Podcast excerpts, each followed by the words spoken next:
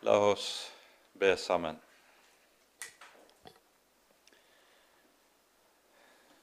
Kjære gode Herre og Hellige Far. Så takker og lover vi deg på ny for all din nåde og all din godhet imot oss. Du lar din miskunnhet være ny hver morgen, og du er trofast til evig tid. Takk, Herre, mest av alt, at du har gitt oss din kjære Sønn, og at i ham har vi alt vi trenger til liv og til salighet. Så ber vi, Herre, at du vil være hos oss med din Hellige Ånd, at du vil åpne våre øyne og våre hjerter, så ordet ditt kan få rom og gjøre sin gjerning hos oss. Det ber vi for Jesus skyld. Amen.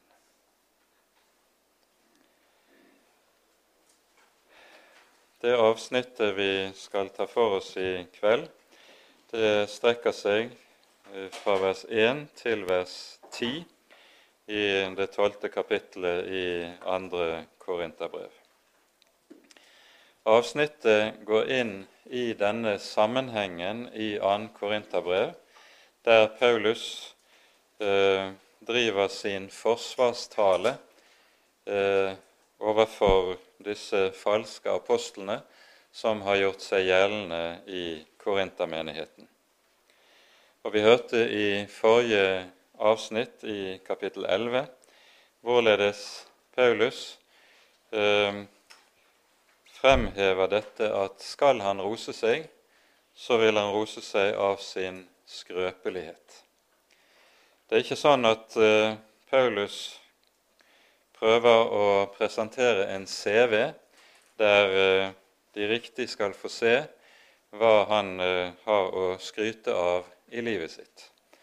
Hvor langt han har reist med evangeliet, hvor mange menigheter han har grunnlagt, hvor mange mennesker som er blitt omvendt med hans forkynnelse, osv., osv. Det er ingen slik CV Paulus kommer med.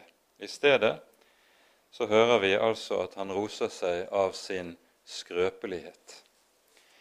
Alt det som uh, har, han har hatt å bære for evangeliets skyld. Og Dette gjør han fordi det er tydelig at de falske apostlene de er preget av det vi kaller for herlighetsteologi. Herlighetsteologien er noe man, eh, som er typisk også innenfor hedenskapet. I det romerske hedenskap hadde næret man den aller dypeste forakt for svakhet. Det at et menneske var sterkt, hadde fremgang, lykkedes på alle områder i livet, det skulle etter denne tankegang være vitnesbyrd om at gudene var med et slikt menneske. Og Disse falske apostlene de har tydeligvis tenkt på samme vis.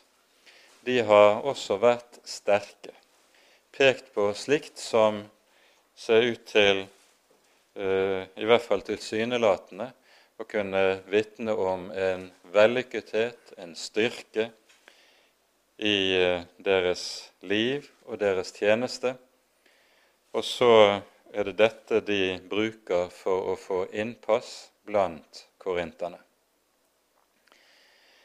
Og Avsnittet vi i kveld skal gå inn i, det er så å si eh, dødsstøtet for en slik tankegang. Her er det Paulus eh, aller sterkest, tror jeg vi tør si, i 2. Korinterbrev legger frem for oss dette som kalles for korsets teologi. Vi har vært inne på det tidligere i brevet, ikke minst i forbindelse med kapittel 4, eh, noe vi skal se litt videre i bibeltimen senere. Men korsets teologi det er altså det som står i den aller skarpeste motsetning til herlighetens teologi. Herlighetens teologi har altså det med seg at den tenker der det er medgang, der det er seier, der er kraft, der ting lykkes, der er alt dette tegn på og bevis på at Gud er med. For Paulus er det motsatt. Nettopp hans svakhet og hans skrøpelighet er det som Gud anvender for å slippe til i livet. Og vi leser nå de ti første versene i kapittel 12 til åpning. Det er altså nødvendig at jeg roser meg, enda det ikke er til gagn. Men jeg kommer nå til syner og åpenbaringer fra Herren. Jeg kjenner et menneske i Kristus. Om han var i legeme, vet jeg ikke, eller utenfor legeme, vet jeg ikke. Gud vet det. En som for 14 år siden ble rykket like inn i den tredje himmel. Jeg kjenner dette mennesket. Om han var i legeme eller utenfor legeme, vet jeg ikke. Gud vet det. Han ble rykket inn i paradis og hørte usigelige ord som det ikke er tillatt for et menneske å tale. Av denne mannen vil jeg rose meg, men av meg selv vil jeg ikke rose meg uten av min skrøpelighet.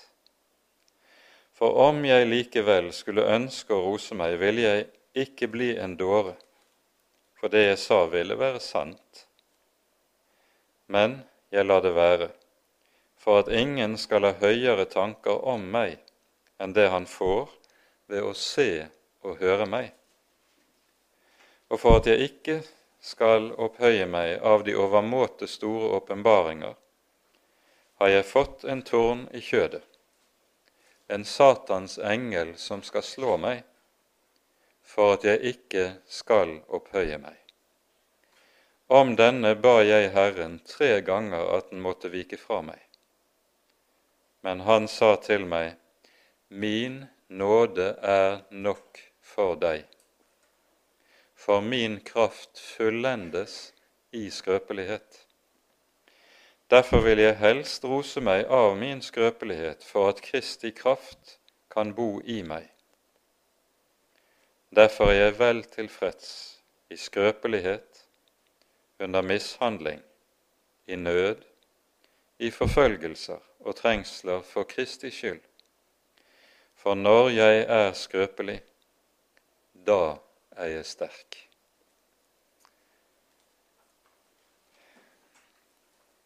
Avsnittet går altså inn i dette Paulus sitt selvforsvar overfor de falske apostler. Og vi hører det uttrykket som dukker opp gjentatte ganger i avsnittet helt fra kapittel, 11, unnskyld, kapittel 10 og frem hit. Det er dette med å rose seg.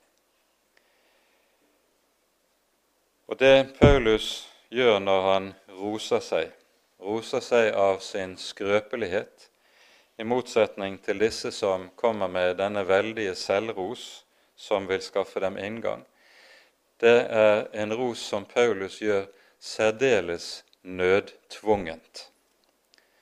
Han sier det er reneste dårskap å gjøre dette og holde på med slik selvros, og for at men for at jeg ikke skal stå tilbake for disse hyperapostlene, som han kaller dem i det ellevte verset i dette kapitlet, så får han heller rose seg, han òg. Men han roser seg altså på en helt annen måte, på et helt annet grunnlag, på helt andre premisser enn disse gjør. Mens de viser til sin styrke, viser Paulus til sin svakhet. For det er nettopp slik at når han er svak, så er det Herren kan slippe til med sin styrke i hans liv. I dette som vi nå har lest, så kommer da Paulus til å tale om syner og åpenbaringer. Og Når han det gjør, så forstår vi at årsaken til dette er at de falske apostlene tydeligvis har skrytt av at de stadig eh, nøt godt av store åpenbaringer fra Gud. Og eh, fordi de hadde disse åpenbaringer, Åndens direkte tiltale til seg i sitt hjerte, som de stadig gikk og viftet rundt med, så ble korinterne imponert av denne store åndelighet og lot seg friste til dermed å lytte til disse i stedet for å avvise dem. Dette er jo et fenomen som har dukket opp i Kirkens historie på ny og på ny der det kommer mennesker som skryter av sine store åndsåpenbaringer som de har fra Gud, skryter av hvorledes Gud taler direkte til dem i deres hjertes indre, og derfor eh, gir de seg selv attest på at de står nærmere Gud enn andre mennesker, står på et høyere åndelig stadium enn andre mennesker, og derfor bør de andre som ikke har det på det samme vis, de bør innordne seg under dem og bøye seg for deres autoritet. Vi pekte på forrige gang at det som kjennetegnet, eh, eller som lå bak disse falske, det disse falske apostler holder på med, det er antagelig først og fremst maktlyst. De søker å få makt over mennesker. Og eh, da kan man bruke ulike midler for å nå et slikt mål. Og det er tydelig da at de nettopp har brukt denne typen selvskryt i dette øyemed i Korint. Og så føler da Paulus seg nødtvunget til å peke på at han slett ikke er fremmed for høye åpenbaringer, han òg. At så eh, er tilfellet, det ser vi jo også i eh, apostlenes gjerninger. Der hører vi ved en rekke anledninger at Herren åpenbarer seg for apostelen. Eh, mest det som huskes eh, best, kanskje utenom eh, omvendelsesopplevelsen ved Damaskus, det er når Paulus står på kysten i Lille-Asia og ser en mann på andre siden av Bosporus-stredet, vinke til ham og si 'Kom over og hjelp oss'. Det er Herren som kaller ham til å forkynne evangeliet, først i Hellas og så videre i Europa. Men det er mange flere slike beretninger om uh, syner og åpenbaringer som Paulus har, det er fortalt like som i forbifarten i apostlenes gjerninger, og vi hører også, og det er ganske iøynefallende i denne sammenheng, at Paulus aldri taler om dette i sin undervisning og i sin forkynnelse. Det er med andre ord ikke noe han løfter frem for å gjøre seg selv åndelig interessant og skaffe seg selv eh, tilhengere og innflytelse. Men han har altså hatt en åpenbaring som han forteller om i denne sammenheng. Og det som kjennetegner det Paulus skriver om dette, er en dyp diskresjon. For det første så hører vi at dette han her er inne på, det er noe som skjedde 14 år før brevet ble skrevet. Hvis 2. Korinterbrev var skrevet i år 55, betyr det at det har skjedd i år 41, kanskje år 42, altså relativt tidlig etter Paulus' omvendelse. Men i motsetning til de falske apostlene er det ikke slik at når han har fått en slik åpenbaring, så springer han ut på gaten og beretter det for alle som vil høre, om hvor fantastiske ting han opplever. I stedet er det slik at der dette er noe som er ekte, der er det noe som en liksom dekker til i en åndelig blyghet, for dette er noe som ikke tåler å fortelles.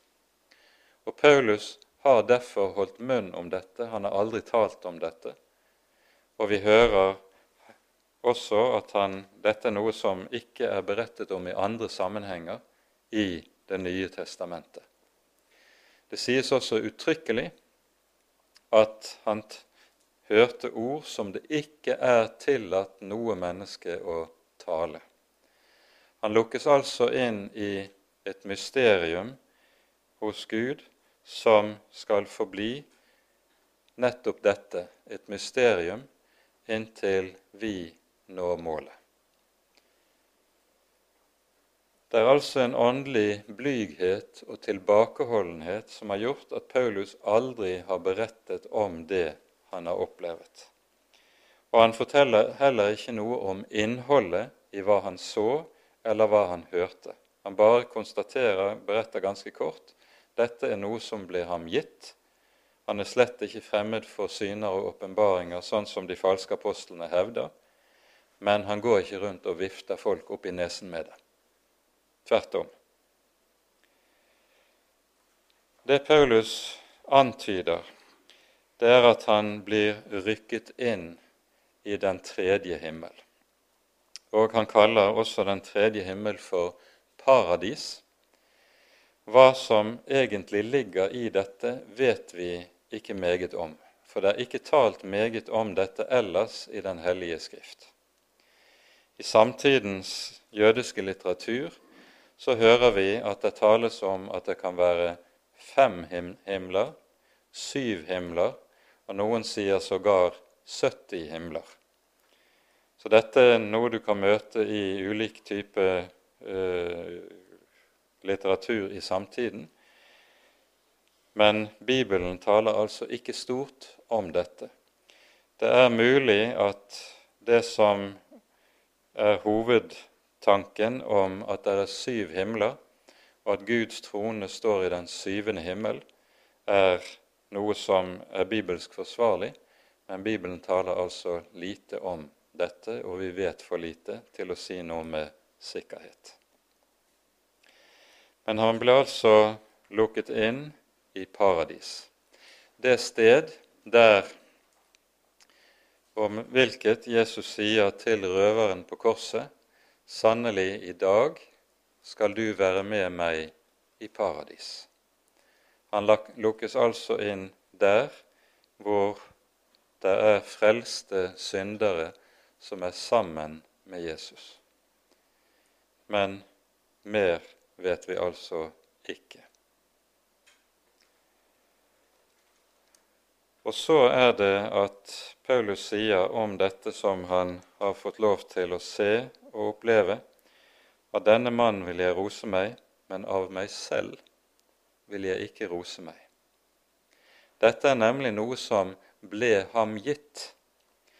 Og av denne grunnen er det Paulus uttrykker seg som han gjør. I 1. Eh, Korinterbrev 4. kapittel sier jo Paulus til de troende Hva har du som du ikke har fått? Og hvorfor roser du deg da som om du ikke hadde fått det? nemlig som om det var et resultat av din egen arbeid, ditt eget fortjeneste.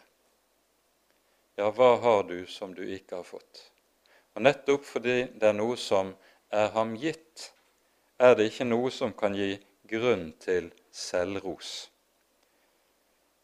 Og Derfor slutter han uttrykkelig av dette avsnittet i vers 5 med å si:" Jeg vil ikke rose meg annet enn av min skrøpelighet. Men så kommer altså det en fortsettelse. Først er det en parentes om dette i vers 6. Om jeg likevel skulle ønske å rose meg, ville jeg ikke bli en dåre, for det jeg sa, ville være sant. Men jeg lar det være, sier han, for at ingen skal ha høyere tanker om meg enn det han får ved å se og høre meg. Han vil med andre ord, det er det som er tankegangen i dette, han vil ikke gå rundt og fortelle om store opplevelser, store åpenbaringer, vidunderlige åndelige erfaringer som ingen andre kan kontrollere på noe vis, for å gjøre seg selv viktig eller for å fortone seg eh, åndelig imponerende. Nei, det menigheten skal forholde seg til, er det de ser og hører av apostelen. De ser ham for sine øyne. Hans liv er en åpen bok. De hører hans forkynnelse og hans budskap, og han har ingen annen, ingen baktanke. Det er intet annet. Han taler ikke med to tunger. Det er det de ser, og de skal forholde seg til og bedømme ham etter det de ser og hører. Og Derfor vil han ikke gi inntrykk av noe annet eller noe mer enn det. Det er tankegangen i dette. Og så er det Paulus kommer til dette avsnittet som handler om Guds stell med ham,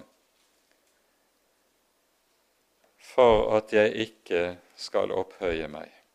Av de overmåte store åpenbaringer, har jeg fått en tårn i kjødet, en Satans engel som skal slå meg, for at jeg ikke skal opphøye meg. To ganger sies altså dette 'for at jeg ikke skal opphøye meg'. Med det gir Paulus uttrykk for det som er hans største åndelige fare og hva Gud har gitt ham for å avvenne denne åndelige fare, at den skal få makten over ham, og at han skal føres på avveie. Dette peker på to veldig avgjørende ting. For det første lærer vi med dette at intet menneske kommer noen gang så langt åndelig talt, i sin helliggjørelse, i sin åndelige vekst, at han ikke står i åndelig fare for fall. Selv en Herrens apostel trenger Guds særlige omsorg for at han ikke skal komme på, på fall. Det er uhyre viktig å være oppmerksom på nettopp dette.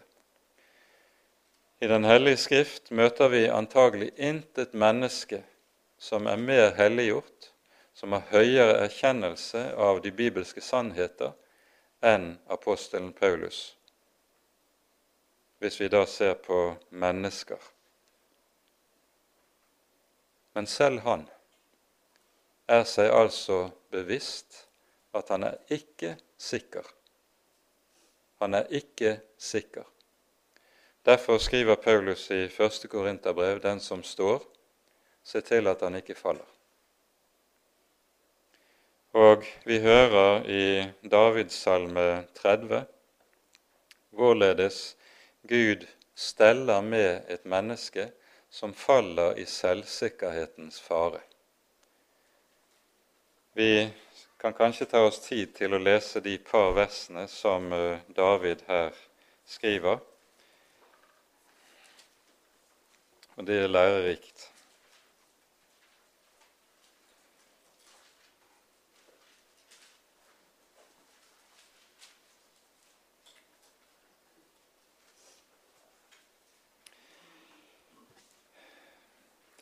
Salmen begynner med en lovprisning for Guds store godhet som har frelst ham.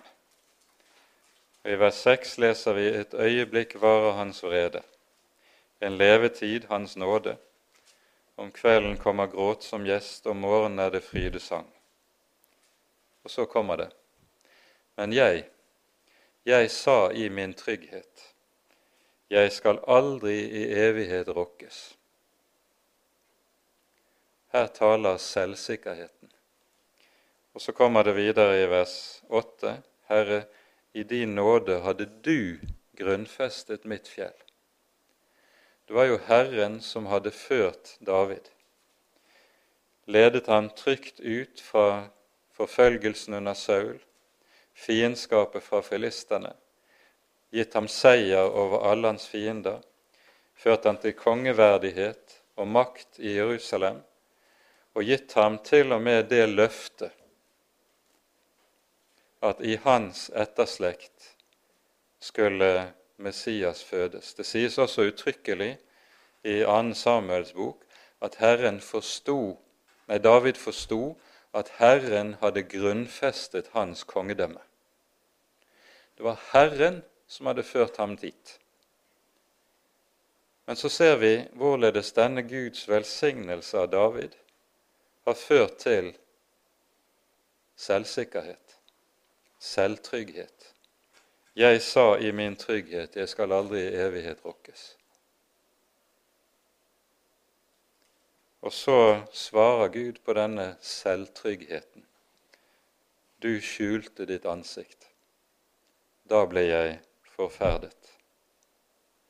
Og så hører vi Davids angst og Davids bønn, som følger i det Gud så å si trekker sin hånd bort, sin nåde fra David, og han må innse dette at jeg, Herren har ført meg hit, det skal ikke lede meg inn i selvsikkerhet, men snarere til å frykte Herren min Gud. Men vi ser i dette noe som er en stadig åndelig fare for oss. At Guds velsignelser inn i våre liv kan lede oss til selvsikkerhet og til hovmod. Mennesker med store nådegaver de kan lett bli meget hovmodige, som i det de mener og tenker at de er mer og de har mer enn andre mennesker. Av denne grunn sørger Herren for at de som han skjenker sine gaver, de skjenker han også et kors å bære som skal verne dem. Det ene vi altså ser i dette, det er at hvor langt en kristen enn har nådd, han er aldri sikker. Den som står, ser til at han ikke faller. Det annet som dette henger sammen med, det er det Den hellige Skrift sier om syndens eh, væren, bliven, i oss som kristne. En kristen har det gamle mennesket, har gamle Adam i sitt eget hjerte og i sitt eget indre så lenge han er her i verden. Og gamle Adam vil veldig gjerne ta over kontrollen i livet vårt. Kan han ikke gjøre det ved hjelp av grove ytre synder? Jeg har liksom sluttet å gjøre de grove ytre synder og lever noenlunde rent og rettferdig ytre sett så vil han i stedet ta over kontrollen i livet mitt ved hjelp av egenrettferdighet, selvsikkerhet, hovmod og åndelig overmot. Det er fortsatt gamle Adam som er på ferde, men nå kler han seg bare i den religiøse drakt. I Det nye testamentet er det jo fariseerne som er urbildet og urtypen på dette, og det er jo derfor også Herren Jesus går så skarpt i rette med dem. I det Jesus setter fingeren på at med all sin fromhet så er deres fromhet ikke noe annet enn gamle Adam i andre klær. Det er ikke det nye mennesket. Og så sier altså Paulus om seg selv for at jeg ikke skal opphøye meg, er det gitt meg en tårn i kjødet, en Satans engel som skal slå meg. Uttrykket som anvendes om å slå, det betyr å slå noen i ansiktet. Og eh, det samme verbet som anvendes f.eks. når Jesus under forhøret for Det høye råd blir slått i ansiktet av yppersteprestens tjener. Passivformen som vi finner i verbet her, er det gitt meg. Det er det som kalles uh, guddommelig passiv. Det betyr at det er Gud som står bak. Det er Gud som har gitt Paulus en tårn i kjødet. Det er Gud som tillater at det er en Satans engel som slår han i ansiktet. Ordet som er omsatt med tårn, det kan også bety en pel. Eh, Det var en eh, ikke uvanlig henrettelsesmetode blant eh, romerne at forbrytere ble gjennomstukket med en spiss pæl, og så ble de hengt på denne staken. En meget brutal metode, men eh, substantivet som anvendes her, det kan også bety en slik pæl som døder og som dreper et menneske, altså. Og det er på smertefullt vis. En Satans engel som skal slå meg i ansiktet. Og Det er tydelig at dette er noe som volder Paulus stor smerte. Smerte av hvilken art? Det vet vi ikke. Det har vært uendelig med spekulasjoner oppover gjennom Kirkens historie om hva denne tårnen i kjødet konkret kan være. Ingen har noen gang funnet det endelige svaret. Noen mener at tårnen i kjødet er en eller annen fysisk sykdom eller lidelse som Paulus hadde, og som vendte tilbake med regelmessig eh, og plaget ham med store smerter. Eksempelvis meget sterk migrene eller eventuelt malaria. Malaria er jo også sånn at det vender tilbake med ujevne mellomrom og da rammer et menneske med svært, svært tunge plager. Andre har ment at Paulus var plaget med epilepsi. Atter andre har ment at det var store eh, fristelser, synd, fristelser til synd, som eh, plaget Paulus. Ikke minst gjelder dette i den katolske kirke. Dette har sin bakgrunn i at uh, uh, uttrykket 'tårn i kjødet'. Det er i den latinske oversettelsen av Det nye testamentet som brukes i den katolske kirke.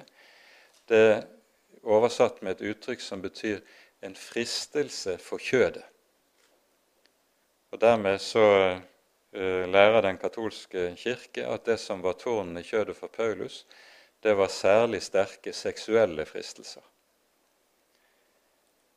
Martin Luther mener at det er det vi hører i vers 10, som eh, er tårnen i kjødet, nemlig Paulus stadige lidelse for Jesus skyld, hans forfølgelse, alt det han må bære på grunn av sitt apostelembete, alt han må bære for Jesus skyld. Og atter andre har andre teorier og forslag. Men vi vet ikke. Og i det ligger der en Guds nåde at vi ikke vet. For det betyr at da kan intet menneske som har én bestemt lidelse, som svarer til den Paulus hadde, si at ja, her skriver Paulus om meg. Også de som er rammet av andre lidelser, de kan tenke ja, det som står her, det gjelder ikke meg. Nå er det formulert på en sånn måte at hvert menneske kan vite at når Gud legger et kors på ham, hvordan dette kors enn er, om det er fysisk sykdom, om det er smerte i familieliv og ved ens nærmeste, om det er psykisk sykdom, om det er vansker i arbeidslivet eller andre ting det måtte være, Gud kan anvende det alt sammen som en slik tårn i kjødet som han anvender for å tukte sine troende. Vi hører om jobb i Det gamle testamentet, at djevelen tillates å prøve jobb. Djevelen, når han uh, får ødelegge Jobbs liv, så skjer det med Guds uttrykkelige tillatelse. Vi hører i det første kapittelet i Jobbs bok om hvordan djevelen står for Guds trone, anklager Jobb og får tillatelse til å prøve Jobb. Prøven består jo i at Jobb rammes på det håreste i sitt liv. På samme måte er denne Satans engel som, rammer, som har fått tillatelse til å slå Paulus, en prøvelse, en prøvelse som volder apostelen dyp smerte, en prøvelse som også antagelig er av en art at Paulus føler seg dypt ydmyket ved dette. Så nettopp fordi han uttrykkelig gjentar to ganger uttrykket 'for at jeg ikke skal opphøye meg'. Her bør vi imidlertid ha med i minne det som vi var inne på innledningsvis, at i hele den hedenske kultur var det på det vis at en foraktet svakhet. Svakhet og skrøpelighet, det var noe en så ned på, og noe en foraktet. Og Når Paulus av Herren plasseres i en sånn situasjon at han er nettopp blitt gjort skrøpelig, hjelpeløs, så fører det til forakt fra omgivelsene.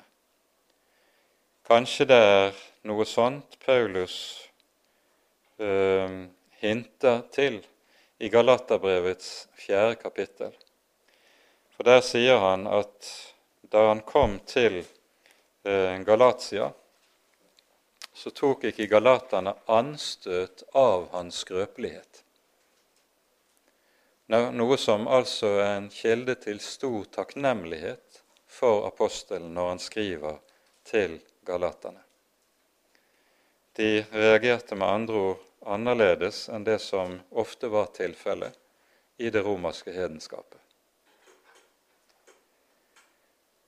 Denne Satans engel den har voldt Paulus mye smerte. Og tre ganger har dette likesom toppet seg, slik at Paulus sier om denne ba jeg Herren tre ganger at den måtte vike fra meg.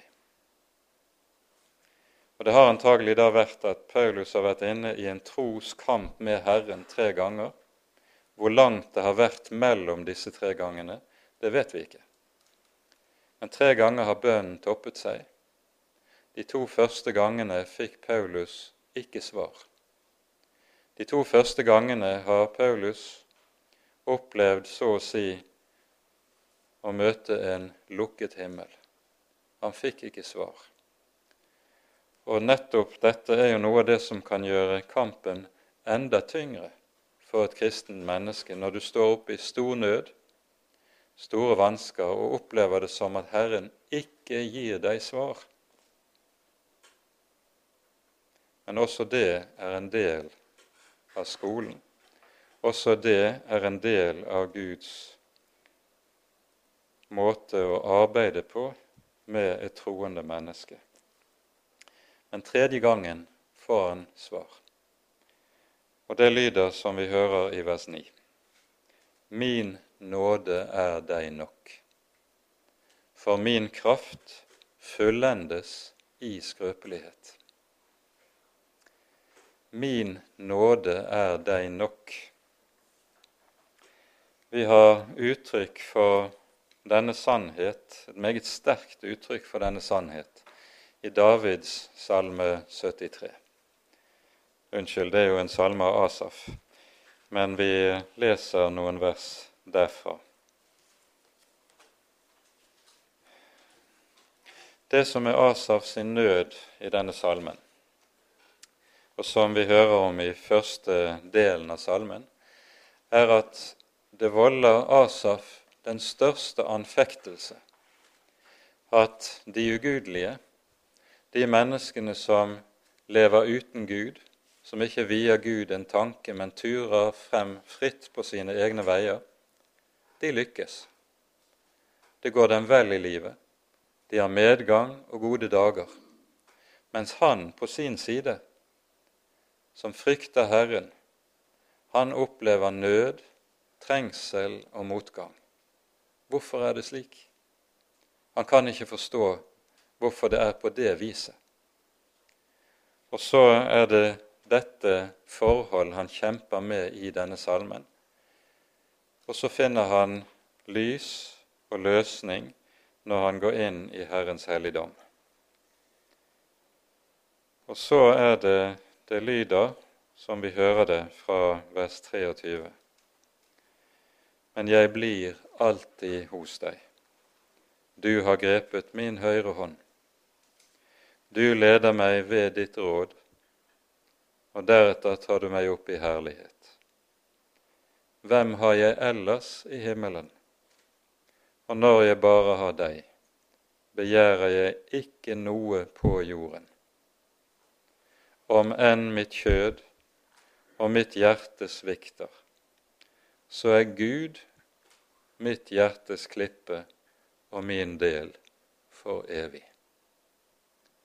Altså, om man skulle fratas alt det som menneskene ellers vet å bygge livet på, som de setter høyt i livet, og som de mener er noe av det som gir livet rikt og meningsfullt. Om han skulle fratas alt, enten det er helse, velstand eller hva det nå måtte være, så har han kommet dit hen at Herrens nåde er ham nok. Og så kan han si:" hvem har jeg ellers i himmelen? Og når jeg bare har deg, har jeg ikke lyst til noe på jorden. For en som sier slikt, er Herrens nåde blitt nok. Når Paulus skriver, som vi hører det her i 2. Korinterbrev kapittel 12 Min nåde er deg nok, så er det viktig å forstå disse ordene rett. Ordet 'nok', hva mener apostelen egentlig med det? Det han taler om, er nåden som er gitt i Herren Jesus Kristus. Om denne nåden lyder det i Romerbrevets åttende kapittel, dette verset som vi ofte har gjentatt. Han som ikke sparte sin egen sønn, men ga ham for oss alle. Hvorledes skulle han kunne annet enn å gi oss alle ting med ham? Med dette beskriver apostelen nådens fylde, nådens rikdom, samtidig som han også peker på nådens grunn. Det vi eier i Herren, det eier vi i Kristus. Har vi først Jesus og evangeliet om ham, så har vi også alt annet med ham. Dette er det Paulus setter ord på i innledningen til Efeserbrevet, der han innleder brevet med følgende lovprisning. Lovet være Gud og vår Herres Jesu Kristi Far, Han som har velsignet oss med all åndelig velsignelse i himmelen i Kristus. Og vi understreker på ny, vi har gjort det før òg, at her står det perfektum. Det sies ikke 'Han som skal velsigne oss en eller annen gang i fremtiden, f.eks. når vi når målet hjemme hos Gud. Nei, det står fortid, det står perfektum, og perfektum beskriver i Bibelen alltid det som er et fullbyrdet faktum. Han som har velsignet oss med all åndelig velsignelse. Det sies altså ikke at han bare har velsignet oss med noe åndelig velsignelse, og så skal vi få mer senere. Nei, han har velsignet oss med alt. Men dette er åndelig velsignelse. Det er ikke kjødelig velsignelse. Og det er viktig å notere seg.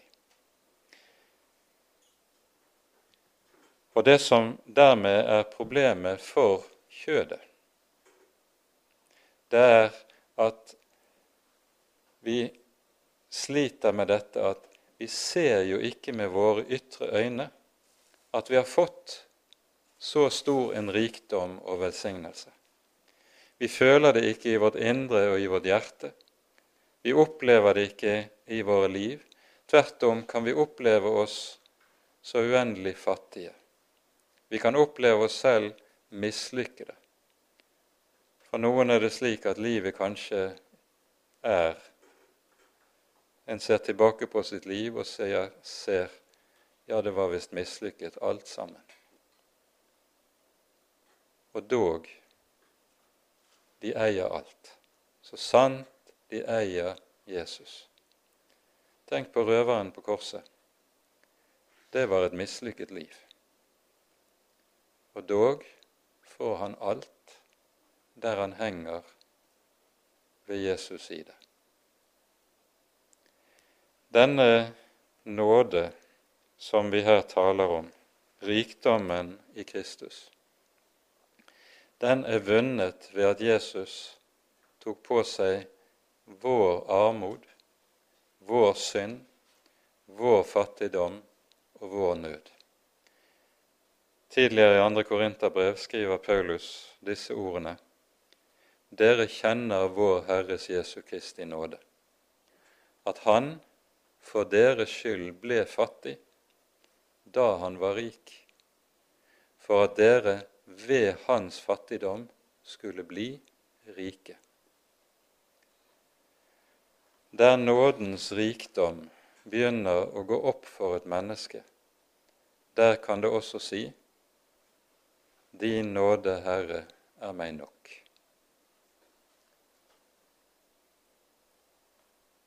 Det som jo gjør at nådens rikdom kan være nok for et menneske, det er når vi begynner å se hva det egentlig er Jesus har gjort.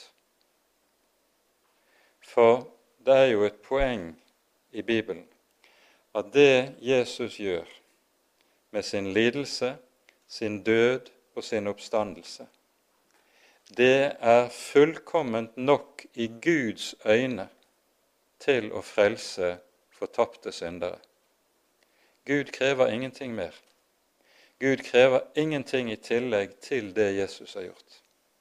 Han setter ikke opp noe krav så jeg og du skal tilfredsstille, men han sier når Jesus trer inn i himmelen, det han har gjort, er nok.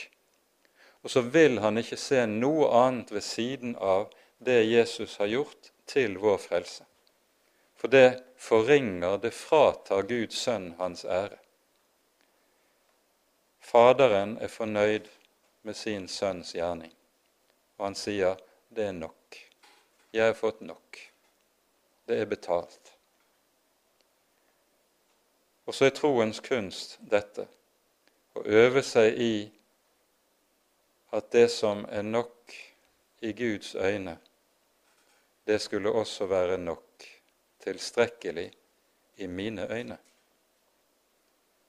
Men her er det vi strever fordi vi har så vanskelig for å se på saken slik som Gud ser på saken. Guds målestokk er annerledes enn vår. Og øvelsen i å anvende Guds målestokk på alle ting, den er meget vanskelig lært. Men Paulus sier altså, eller Paulus får altså høre fra Herren, min nåde er deg nok. Du trenger ikke mer. Du trenger ikke bli fri fra denne onde engel som slår deg i ansiktet, som volder deg smerte, som ydmyker deg, kanskje daglig. Min nåde er nok. For min kraft fullendes i skrøpelighet. Og så ser vi et nytt mysterium. For her går Bibelen på tvers av det som vi tenker er rett og rimelig og fornuftig. Når vi er svake, så ønsker vi at Gud skal gjøre oss sterke, skal gi oss styrke. Når vi er hjelpeløse, så vil vi at Gud skal hjelpe oss, så vi slutter å bli hjelpeløse. Men det er ikke Guds vis. For nettopp når vi er hjelpeløse, da er vi kastet inn i avhengighet av Herren selv. for en kristen styrke består i avhengigheten av Jesus. Og Derfor er det gjerne slik at Herren plukker oss for det som vi tror vi trenger av styrke, for at Han kan få lov til selv å være vår styrke. I eh, kapittel fire i andre Korinterbrev, som vi nevnte også innledningsvis, er Paulus inne på nøyaktig samme sannhet som han her formulerer på følgende vis. Først beskrives evangeliets rikdom, som vi hører det i vers 6. For Gud som bød at lys skulle skinne frem i mørket, han har også latt lyset skinne i våre hjerter, for at kunnskapen om Guds herlighet i Jesu Kristi åsyn skal lyse frem. Og så følger det i neste vers. Men vi har denne skatt i leirkar, for at den rike kraft skal være av Gud og ikke av oss selv. Altså Gud arbeider så å si på å demonstrere gjennom denne måten å stelle med og arbeide med et menneskes liv at det under han lar skje gjennom sine apostler og sine tjenere, det er underet i de tomme hender. Her sender han noen hjelpeløse tjenere ut i verden. Og når det skjer store ting, så er det helt åpenbart at dette ikke er fordi disse er sterke, store, har rikelig med ressurser, og har mye å tære på. Tvert om, de har ingenting. Og så viser det seg med dette at den rike kraft dermed ikke er av mennesker, men er av Gud. Gud gjør underet i de tomme hender. Min kraft fullendes i skrøpelighet, sier Herren. Derfor vil jeg helst rose meg av min skrøpelighet, for at Kristi kraft kan bo i meg.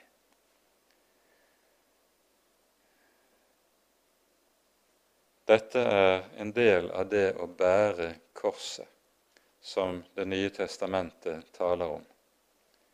Jesus sier jo uttrykkelig uten at noen tar opp korset og følger meg efter, kan han ikke være min disippel og til korset hører slike ting. Det er opp til Gud å tilmåle enhver hva han skal måtte bære i livet. Det er ikke opp til oss. Og Gud steller ulikt med hver enkelt av oss. Men han sørger for å gi oss akkurat så mye som vi trenger for at vi ikke skal falle på veien for at vi i stedet skal nå målet hjemme hos ham. Det er dette som er satt ord på i den gamle kirkebønnen. Du oppdrar oss for ditt rike ved kors og ved trengsel. For Paulus var det en bestemt synd som han trengte Guds spesialpedagogikk i forhold til sitt eget hovmod. Andre har andre ting som er deres åndelige fare. Herren skal vite og ta seg av hver enkelt av oss ettersom vi trenger det. For han har gitt oss et løfte. Et løfte som står det i Johannesevangeliets tiende kapittel, og som vi slutter av med i kveld.